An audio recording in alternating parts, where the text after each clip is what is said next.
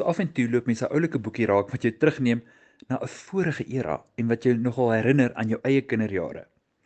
Die boek Going Back to Say Goodbye: A Boyhood on the Mine is deur Kenneth de Kok geskryf. Hy is so in die 40er jare gebore in Johannesburg en het uh groot geword in Stilfontein. Sy pa het op die myne daar gewerk as 'n metallurgiese ingenieur. En in 2016 het hy sy memoirs geskryf. Hy's intussen oorlede. Maar o, dit vat jou so terug na daardie tyd en dis so 'n oulike goeie beskrywing.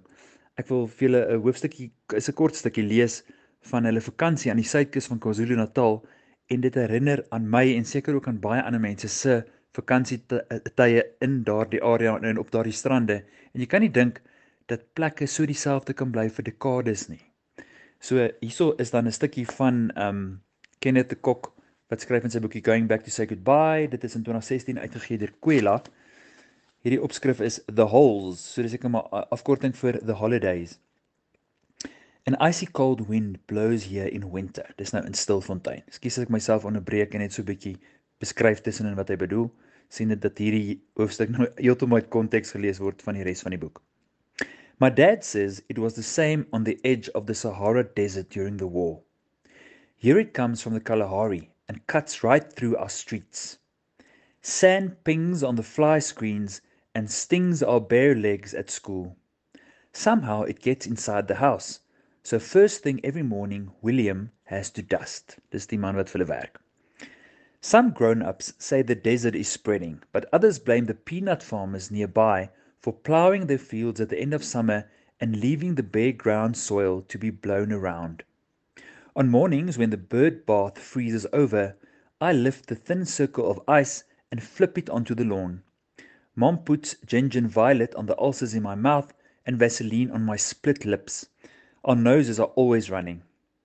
During the July holidays, we drive to the south coast to a rented cottage. Most people go at Christmas, but we think the beaches are less crowded and the weather better in the winter. Mom says it's also way, way cheaper. We drive at night because Dad can concentrate while we are asleep. The three of us, there's no en sy twee sissies, lie in made-up beds at the back of the Opel station wagon side by side, pushing and giggling until he warns us to be quiet or he turn around and scrap the whole bloody thing. He and my mom sit in front talking softly and smoking. A box of Westminster 85s and a pack of Rothmans lie between them on the seat.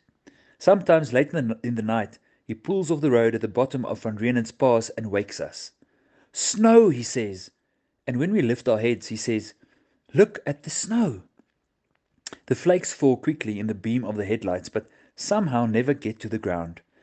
It's the first time we kids have seen snow.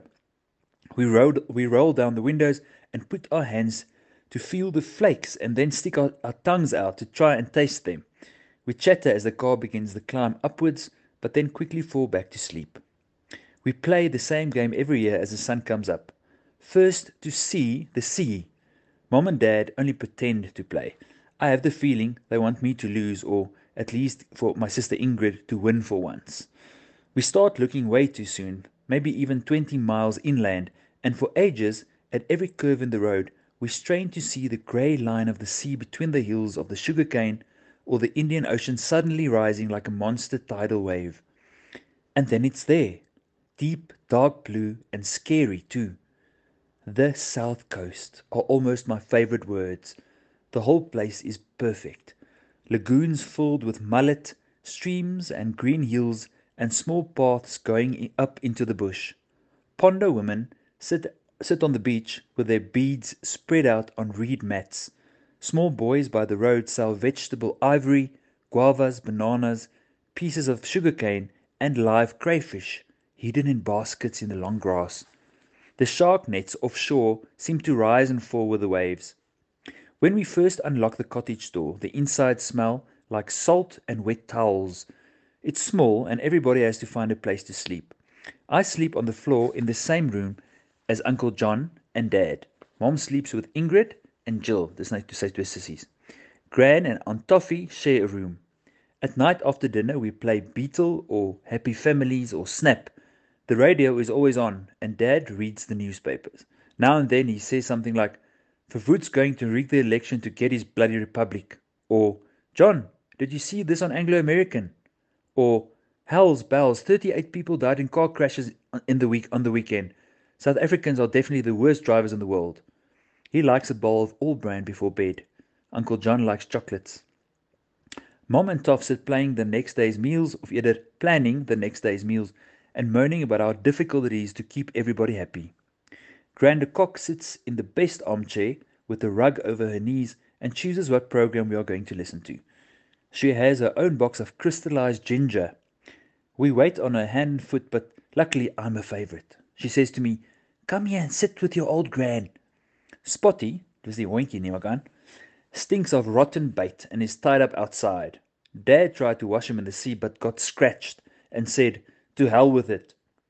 We love Ramsgate Beach. They say it's the safest beach with no backwash or riptides and it's protected from the wind. Every day we drive down after breakfast and stay until lunch. I walk through the parking area looking for TY, TX, and TZ number plates or license plates. That means people from Klerksdorp, Potch, or Stilfontein. Or TOY, that's people from Orkney. Maybe people we even know, but in any case, people from our part of the Transvaal. We keep count of all those cars all holiday long. Every year, on, on one afternoon, we drive down to Port Edward and are pulled across the Umtamvuna River on the pontoon. Of eerder die Umtamvuna River on the pontoon. then Uncle John films the waves crashing on the rocks and we drive back. And on the last day before we leave, we have lunch at the tea house of the Blue Lagoon. Everybody chooses what they like from the menu and then lots of us complain that we didn't get what we wanted.